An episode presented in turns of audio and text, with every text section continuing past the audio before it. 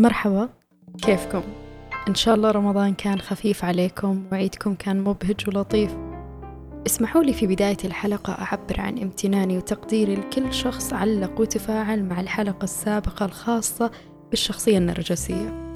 والكل من شاركني على الخاص قصته المؤلمة مع شخص يتسم بالسمات اللي بعض منها ذكرتها في الحلقة. أحب أشارككم هالخبر وهو أن البودكاست أصبح متاح على ديزر وسبوتفاي وجوجل بودكاست. قبل لا أبدأ الحلقة. عزيزي المستمع إذا فاتك المحتوى شاركه الآخرين وساعدهم يرفعون وعيهم. وساهم في نشر المعرفة ولو حاب تظهر تقديرك للمحتوى ومهتم بالحلقات الجاية فسوي subscribe أو اشتراك على حساب البودكاست في تطبيق أبل بودكاست follow على الإنستغرام وعلى ساوند كلاود أو على التطبيقات اللي ذكرتها قبل شوي. في حلقة اليوم بنرجع للطفولة. لكن بشارككم معلومات ممتعة وممكن تكون جديدة على البعض وتحتاج شوية تركيز. لكن ببسطها قد ما أقدر. ولو في بالك سؤال عن أي نقطة أو محور سواء في حلقة اليوم أو الحلقات السابقة لا تتردد تشاركني تعليقك وسؤالك اللي ممكن يضيف لي. على حساب البودكاست في الإنستغرام راح تلقوه موجود في خانة الوصف اللي تحت الحلقة. الأخلاق من أكثر المواضيع اللي اهتم فيها الفلاسفة. واللي عدد منهم ربط بالعلم. فمثلا سقراط يعتبر مؤسس علم الأخلاق ومن أوائل من اهتموا ببناء الأخلاق على أساس علمي. كان يشوف أن الأخلاق كما يقول يعني أنها معرفة الفضيلة تكسبها والجهل بها مصدر الرذيلة ومأتاها. يعني يقصد كل ما الإنسان عرف أكثر واكتسب المعرفة كل ما ارتقت أخلاقه. بينما فلاسفة آخرين يشوفون أن العلم ما له علاقة بالأخلاق. ولا يصلح النفوس مثل سبنسر وهو فيلسوف إنجليزي اللي يشوف أن جهد الفلاسفة في نشر العلم بهدف إصلاح النفوس هو شيء سخيف. لأنه حسب وجهة نظره ممكن تشوف شخص متعلم ولكن ما عنده أخلاق أو شخص واعظ يقول لك شيء عكس الموجود في قلبه. في المقابل تشوف أشخاص غير متعلمين لكن عندهم أخلاق وعندهم مبادئ وقيم. أنا شخصيا أشوف أنه مو بالضرورة العلم يهذب السلوك أو يصلح النفس.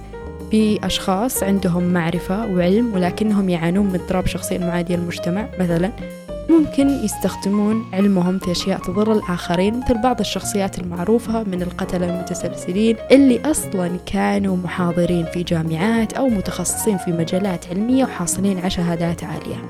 وأيضا في فلاسفة كانوا يشوفوا أن الأخلاق وراثة يكتسبها الإنسان من الآباء والأجداد. علميا صحيح أن بعض السمات تورث وهذا له تفسير عصبي وجيني ممتع فيما يتعلق بتوريث الأبناء سمات وسلوكيات الآباء.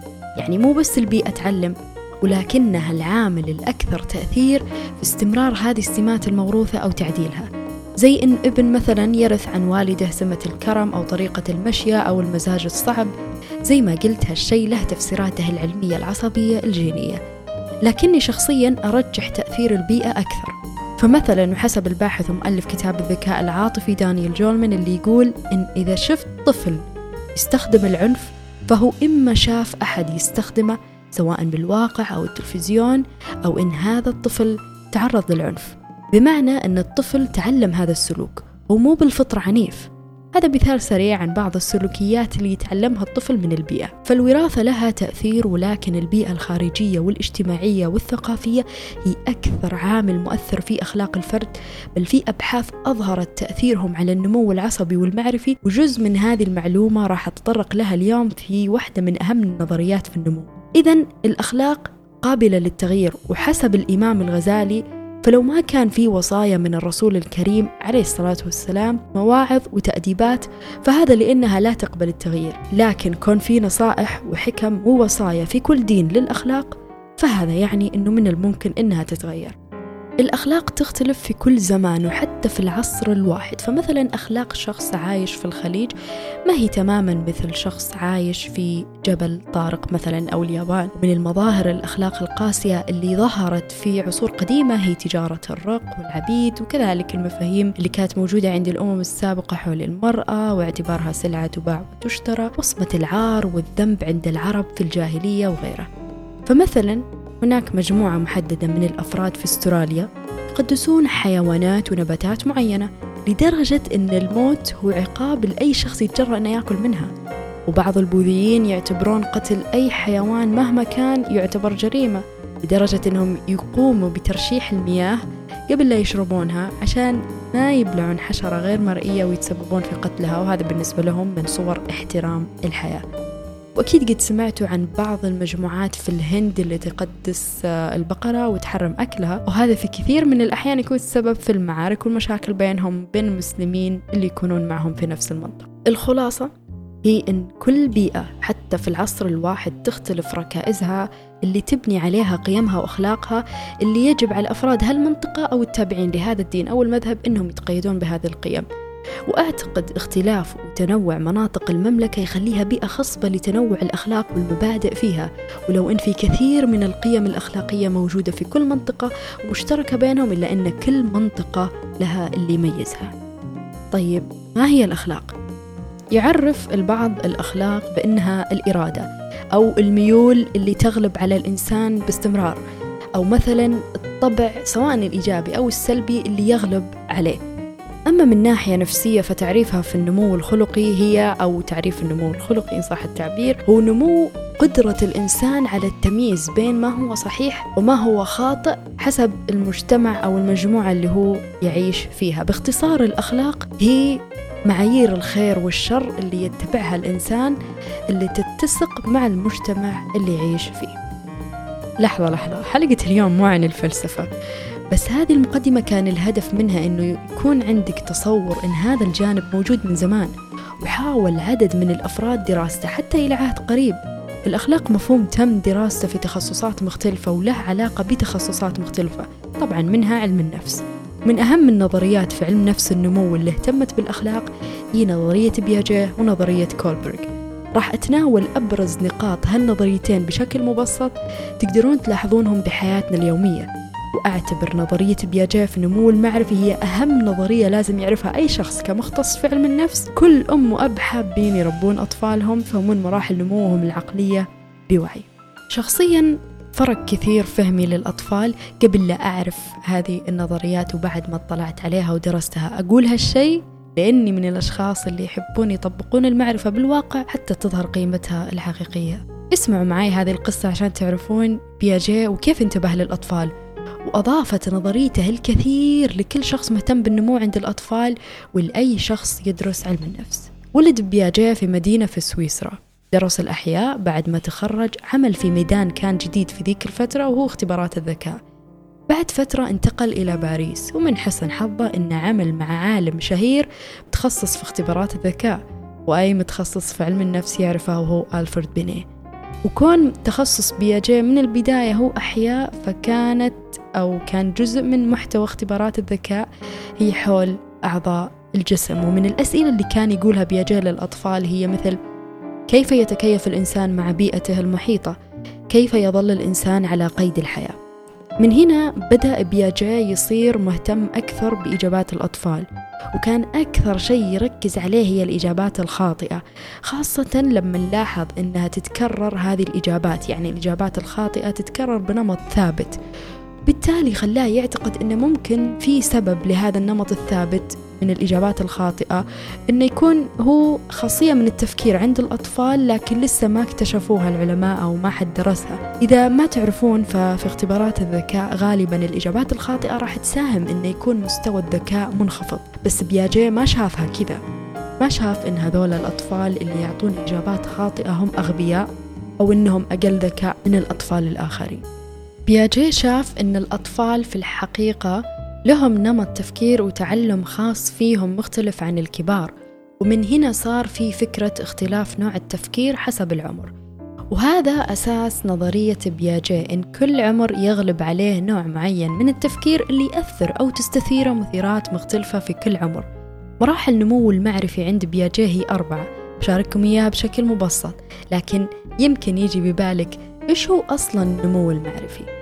بكل بساطة النمو المعرفي هو الإدراك أو إدراك الفرد للواقع وهو أيضا يدخل تحت اللغة التفكير المفاهيم الذاكرة الانتباه وغيرها من العمليات المعرفية اللي نستخدمها من لحظة الولادة وفي كل يوم من حياتنا. إيش مراحل النمو المعرفي اللي توصل لها بياجي أو مراحل التفكير إذا أقدر أقول؟ أول مرحلة سماها المرحلة الحس حركية. بمعنى إيش؟ بمعنى أن هذه المرحلة يغلب عليها الحواس والحركة وهي من الميلاد إلى سنتين ويعتمد الطفل في اكتشافه للبيئة على حواسه حاسة اللمس التذوق النظر السمع والشم. على فكرة الأطفال تحديدا في هذا العمر يحبون ينظرون للوجه البشري المبتسم. تلاحظون الطفل أي شيء يمسكه يحطه عند فمه ويحب يمسك أي شيء جديد أو أول مرة يشوفه.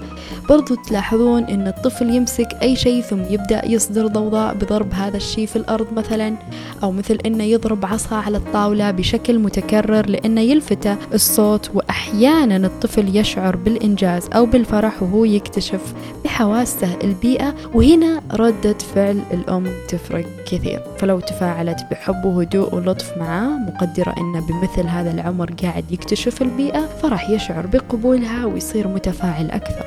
ولو أخذت منه الأشياء اللي قاعد يلعب فيها لأنها مزعجة فأعتقد أنه راح يدور على أي شيء ثاني يلعب فيه ويكتشفه. إلا لو كانت الأم عنيفة وعصبية فلا بد أنه راح يبكي وما راح يكون الاكتشاف تجربة جميلة بالنسبة له في حضور الأم خاصة. عرفت الحين ليش الطفل ممكن ما يخاف من الحيوانات أو يلمس الشمعة؟ لأنه في الحقيقة قاعد يكتشف البيئة ولسه ما بنى تصورات عنها. وفي سياق الخوف أو المخاوف في الحقيقة الإنسان يولد وهو يخاف من شيئين فقط. وهذا علميا هما الصوت العالي والخوف من السقوط عدا ذلك فهي مخاوف مكتسب. المرحلة الثانية وهي من سنتين إلى أربع سنوات وسماها مرحلة ما قبل العمليات ويسمونها برضو مرحلة الرموز أو المرحلة اللي يغلب عليها عمليات الترميز. وخليني أقول لكم أن اللغة في الحقيقة هي تدخل تحت الرموز.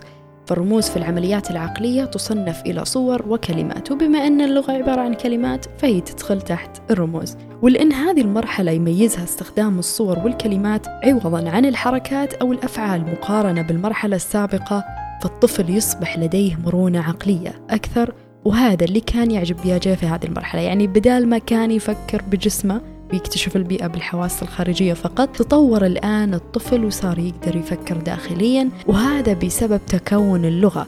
فاللغة تختصر الأفعال. واقتبس من كتاب نظريات التطور الإنساني لمعاوية أبو غزال النص التالي. فعندما نفكر باستخدام الكلمات فإننا نتغلب على حدود وقيود إدراكاتنا اللحظية فنحن من خلال اللغة نتعامل مع الماضي والحاضر والمستقبل مرة واحدة. نهاية الاقتباس. الحقيقة مدهشة اللغة. معرفيا وعصبيا لازالت تدهشني. فالإنسان تطور يكون بدرجة استخدام اللغة. في كل مرة تخلى الإنسان عن الصور والأفعال كان دليل على تطوره أو إن صح التعبير. كل ما استطاع التفكير باستخدام اللغة دل على تطوره العقلي. فمثلا وخليني أضيف فكرة عالم أحب مهتم بالنمو المعرفي وهو برونر واللي كان يشوف أن الإنسان ينمو تفكيره بثلاث مراحل. أول شيء يستخدم الحواس أو يسميها المرحلة العملية يعني يفكر الطفل ويتفاعل من خلال الحواس وهذا من الميلاد إلى عمر ثلاث سنين. فينتقل الطفل بعمر ثلاث سنين إلى التفكير الأيقوني أو الشبه حسي. فيصير الطفل مو محتاج الاتصال المباشر بالأشياء ولكن لسه ما يقدر يفكر تفكير مجرد مثل البالغين.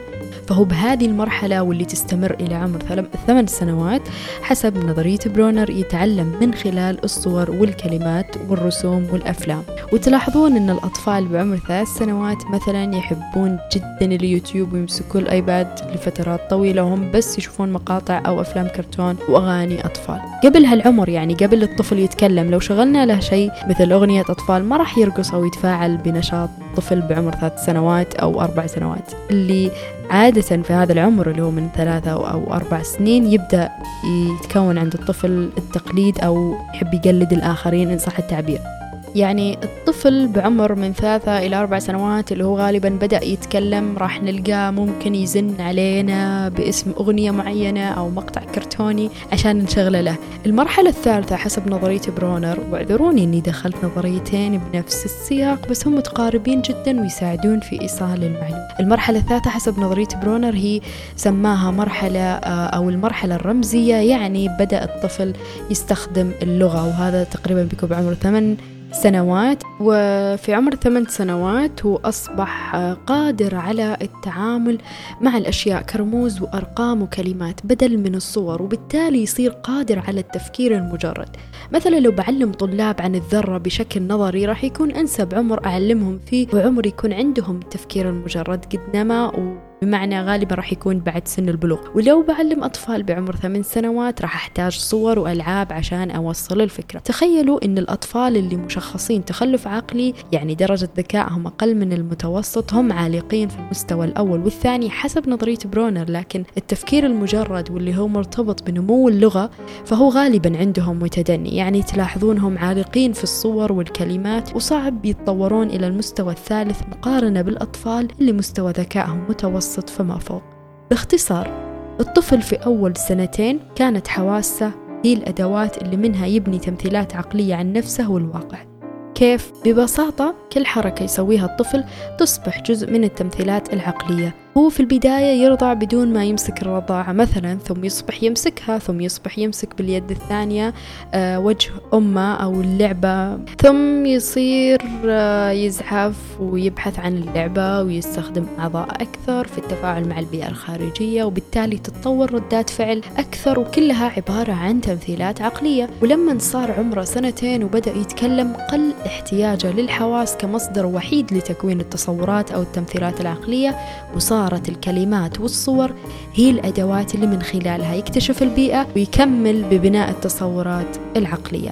على الرغم من تطور تفكير الطفل من وقت ما يبدأ يستخدم اللغة إلا أنه لا زال تفكيره بعيد عن المنطق مما يميز هذا العمر عقليا أو معرفيا هو التمركز حول الذات. وأنا لازلت أتكلم عن عمر من سنتين إلى أربع سنوات وهي المرحلة الثانية من مراحل نمو بياجي.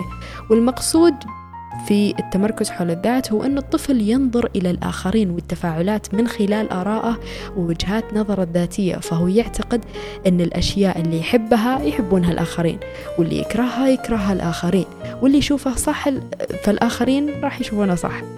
فمثلا لو طلبنا من الطفل يجيب هدية لأمه أو أبوه بنلقاه جاب لهم شيء هو يحبه مو اللي هم يحبونه. ما تذكركم هذه السمات بالشخصية النرجسية اللي دايم هو صح ودايم هو الأفضل؟ في الحقيقة التمركز حول الذات يعيق مرونة التفكير وبالتالي يعيق التكيف مع البيئة. لأن الشخص في هذه الحالة سواء طفل أو شخص بالغ عنده مشاكل تمركز حول الذات راح نجد صعب يتنازل عن أفكاره عشان يفهم الآخرين. بيني وبينكم لطالما كنت أستدل من إسقاطات الطرف الآخر في حواره إلى أنه متمركز أو لا وأشوف من تأملاتي الشخصية وأنا أتكلم عن البالغين أن اللي عندهم تمركز حول الذات هم يفتقدون للصحة النفسية بشكل أو بآخر قريبا أو لاحقا. هذه مرحلة طبيعية عند الطفل كطبيعة نوع تفكيره في مرحلة معينة بس ما هي طبيعية عند شخص بالغ؟ بالإضافة إلى التمركز حول الذات نلاحظ أن الطفل في هذا العمر يضيف الحياة على الجمادات ويبدأ يكون عنده الصديق الخيالي ونسمع يكلم نفسه أو يكلم اللعبة ويعتقد أن اللعبة تشعر وتفكر وهذا كله يعود إلى طبيعة تفكير الطفل ونوع العمليات المعرفية السائدة في هذا العمر واللي هو من سنتين إلى أربع سنوات. المرحلة الثالثة وهي مرحلة العمليات المادية زي ما يسميها بياجه وهي من خمس سنوات إلى سن البلوغ. وهنا نلاحظ الطفل عنده شوية منطق عنده تسلسل أفكار أكثر مقارنة بالمرحلة مقارنة سوري بالمرحلة السابقة بس لسه ما وصل لتفكير البالغين. يعني أكثر قدرة أنه يميز بين الحقيقة والخيال يفهم أسباب التغيير في الأشياء اللي حوله ويفهم الزمان والمكان بشكل أفضل من العمر السابق لكنه لسه ما ارتقى للكبار يعني مثلا ممكن بهالعمر يفهم ليش أمه وأبوه زعلوا من بعض أو ليش جده هاوش أخوه الكبير لما نصب القهوة باليد اليسرى وهكذا. في المرحلة الرابعة وهي مرحلة التفكير المجرد واللي غالبا تتزامن مع مرحلة البلوغ اللي تظهر قبل المراهقة أو أثناء المراهقة ويتميز تفكير المراهق بعدة سمات. تفكير المراهق غالبا راح يكون غير مقيد بالواقع المحسوس مثل أطفال المرحلة السابقة. المراهقين تفكيرهم متحرر من الواقع وبالتالي قادرين على التفكير بتجريد وفهم الفرضيات والاستنتاجات وغيرها. أيضا يميز تفكيرهم اللي هو التمركز حول الذات لكنه يختلف عن اللي يظهر عند الأطفال. طيب إيش الفرق بين التمركز حول الذات عند المراهق وعند الطفل؟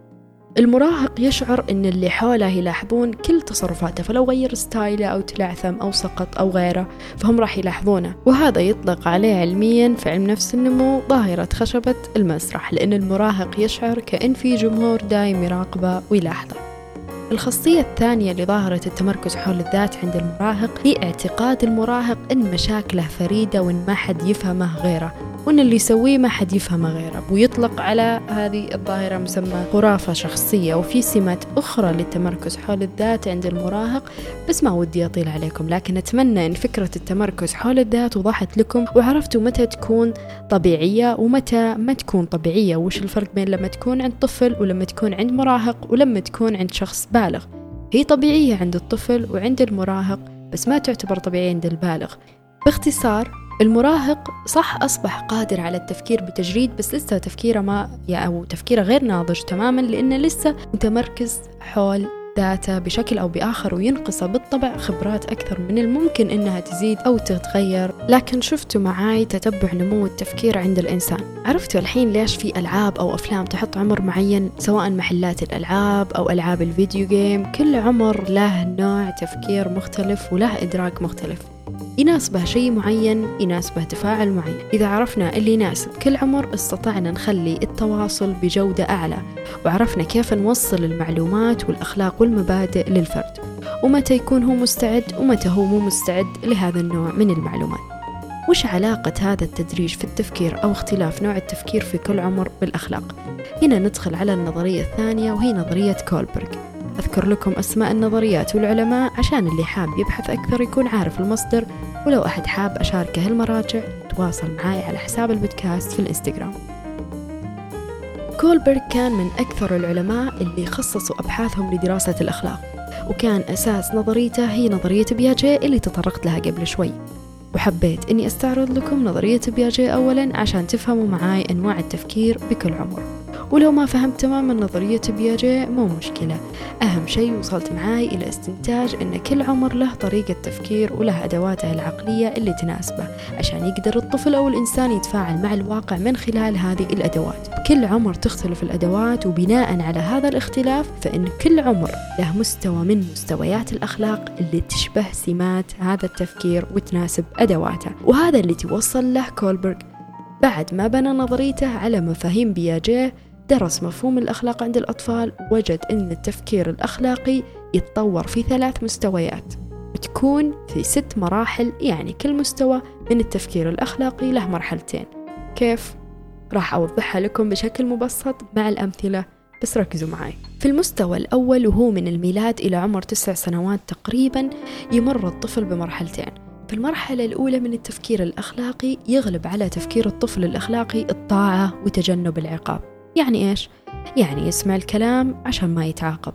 هو ما يشوف أن الأخلاق شيء ذاتي مرتبط فيه إنما هي قواعد وقوانين خارج ذاته.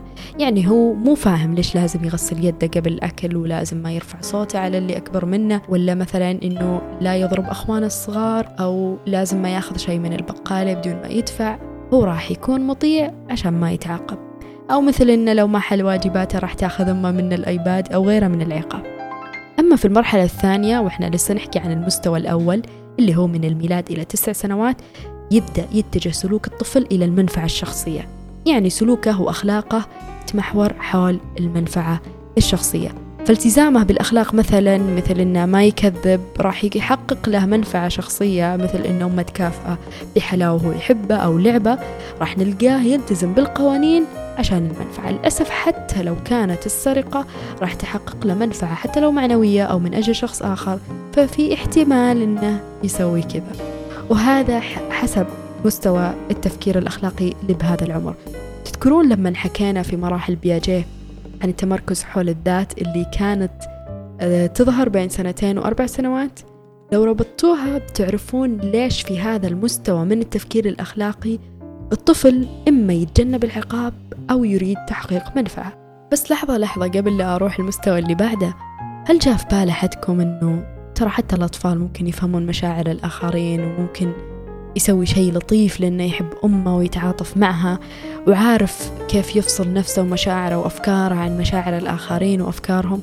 يعني يقدر رغم أنه طفل يخرج خارج التمركز حول الذات أكيد شفتم أطفال كذا ومتأكدة قلتم عليهم ما شاء الله فاهم أكبر من عمره من هالكلام. في الحقيقة في دراسات حاولت تتعرف على هذول الأطفال وكيف إنهم مميزين عن غيرهم وعندهم قدرة عقلية عاطفية عكس أو تتفوق على القدرة اللي تكلم عنها بياجي لما قال كل الأطفال بعمر من سنتين إلى أربع سنوات ما يقدرون يخرجون خارج مشاعرهم وأفكارهم يعني هم يعتقدون إن اللي يشعرون ويفكرون فيه يشعرون ويفكرون فيه الآخرين. بس هذه الدراسات أثبتت أنه في أطفال على العكس عندهم قدرة يفصلون وأذكياء اجتماعيا وعاطفيا بل في دراسات وضحت كيف ننمي هذه القدرة عندهم. اسم هذه النظرية اللي تناولت هالجانب هي نظرية العقل وهي برضو من النظريات اللي فتحت أفق ووسعت مدارك كثيرة عندي وبشارككم إياها بشكل ممتع في الحلقة الجاية. المستوى الثاني من النمو الأخلاقي وهو من عمر 9 إلى 15 سنة. تنقسم برضو إلى مرحلتين المرحلة الأولى بهذا المستوى يسمونها مرحلة الفتى الجيد الفتاة الجيدة. يعني هنا نلاحظ الطفل أو المراهق بيحاول يفكر في غيره ورضا غيره. لاحظتوا معي كيف بدرجة ما خرج عن التمركز حول الذات اللي يميز الأطفال الصغار؟ طيب هو الحين بعمر بين 9 و 15 سنة ويتبع القوانين والمعايير الاجتماعية لأنه أصبح قادر على الشعور بما يشعره الآخرين.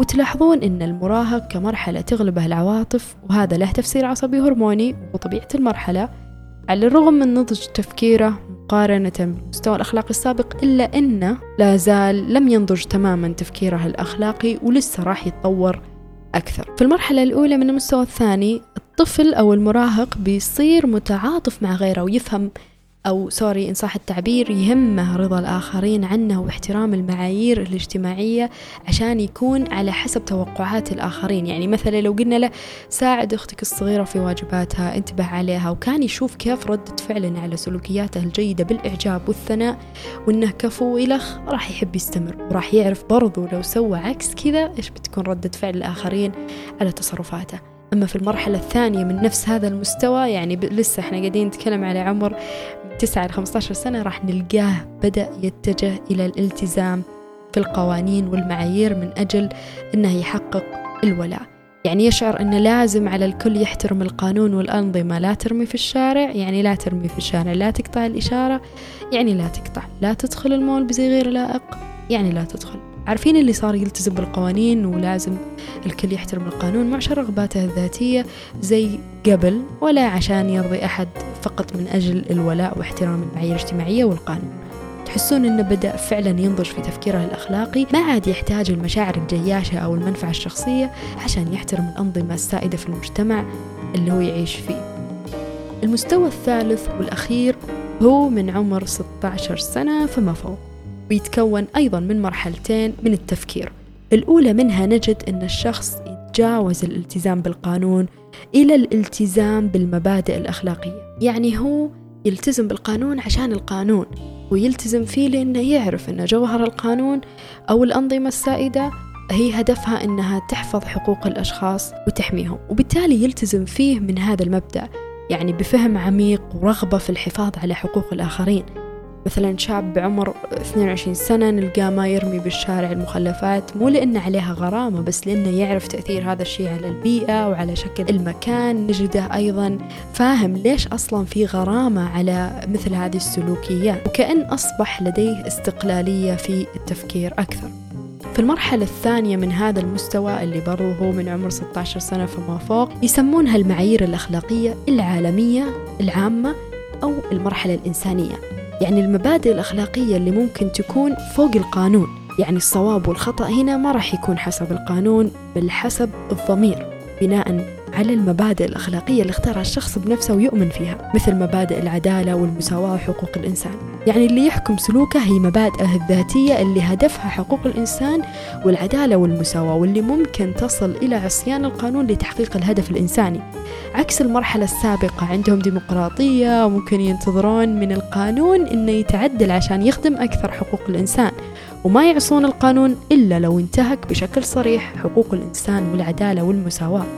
في الحقيقة لاحظ كولبرغ أن نسبة قليلة تستطيع أنها توصل لهذه لهذا المرحلة من هذا المستوى اللي هي آه، المعايير الأخلاقية العالمية لدرجة أنه سماها مرحلة نظرية أو افتراضية.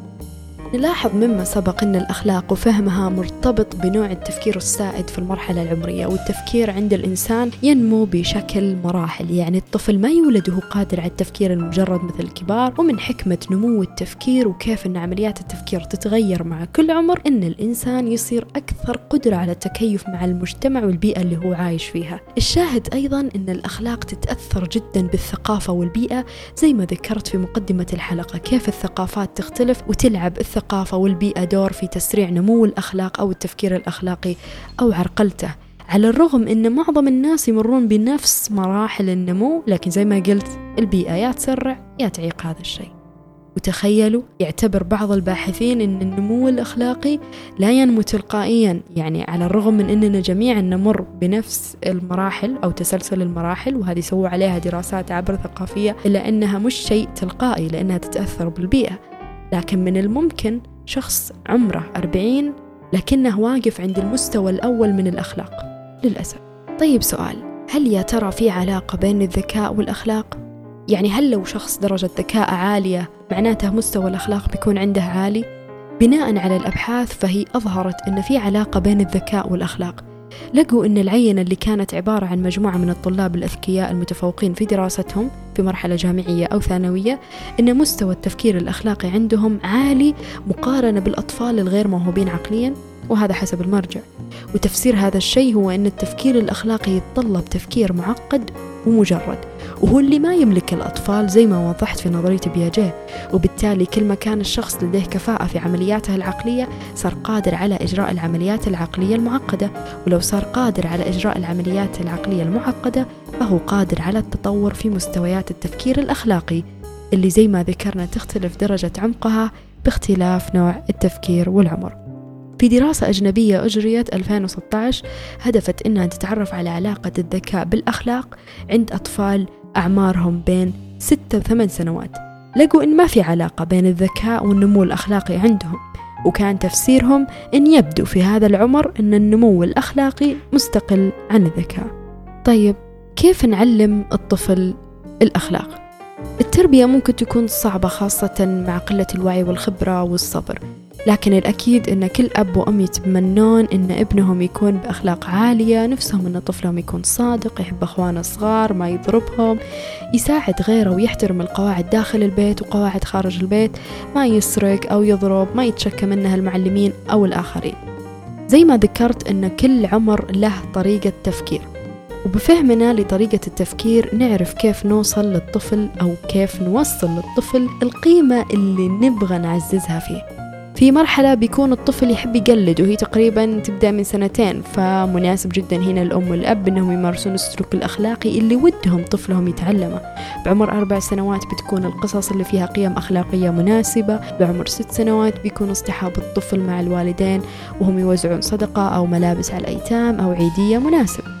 وهكذا بناء على طريقة تفكير الطفل نرتقي معاه برقي تفكيره في تعليمنا للأخلاق له. وفي كتب مناسبة جدا مفيدة للتعرف أكثر على أساليب التربية النفسية المناسبة لعمر الطفل.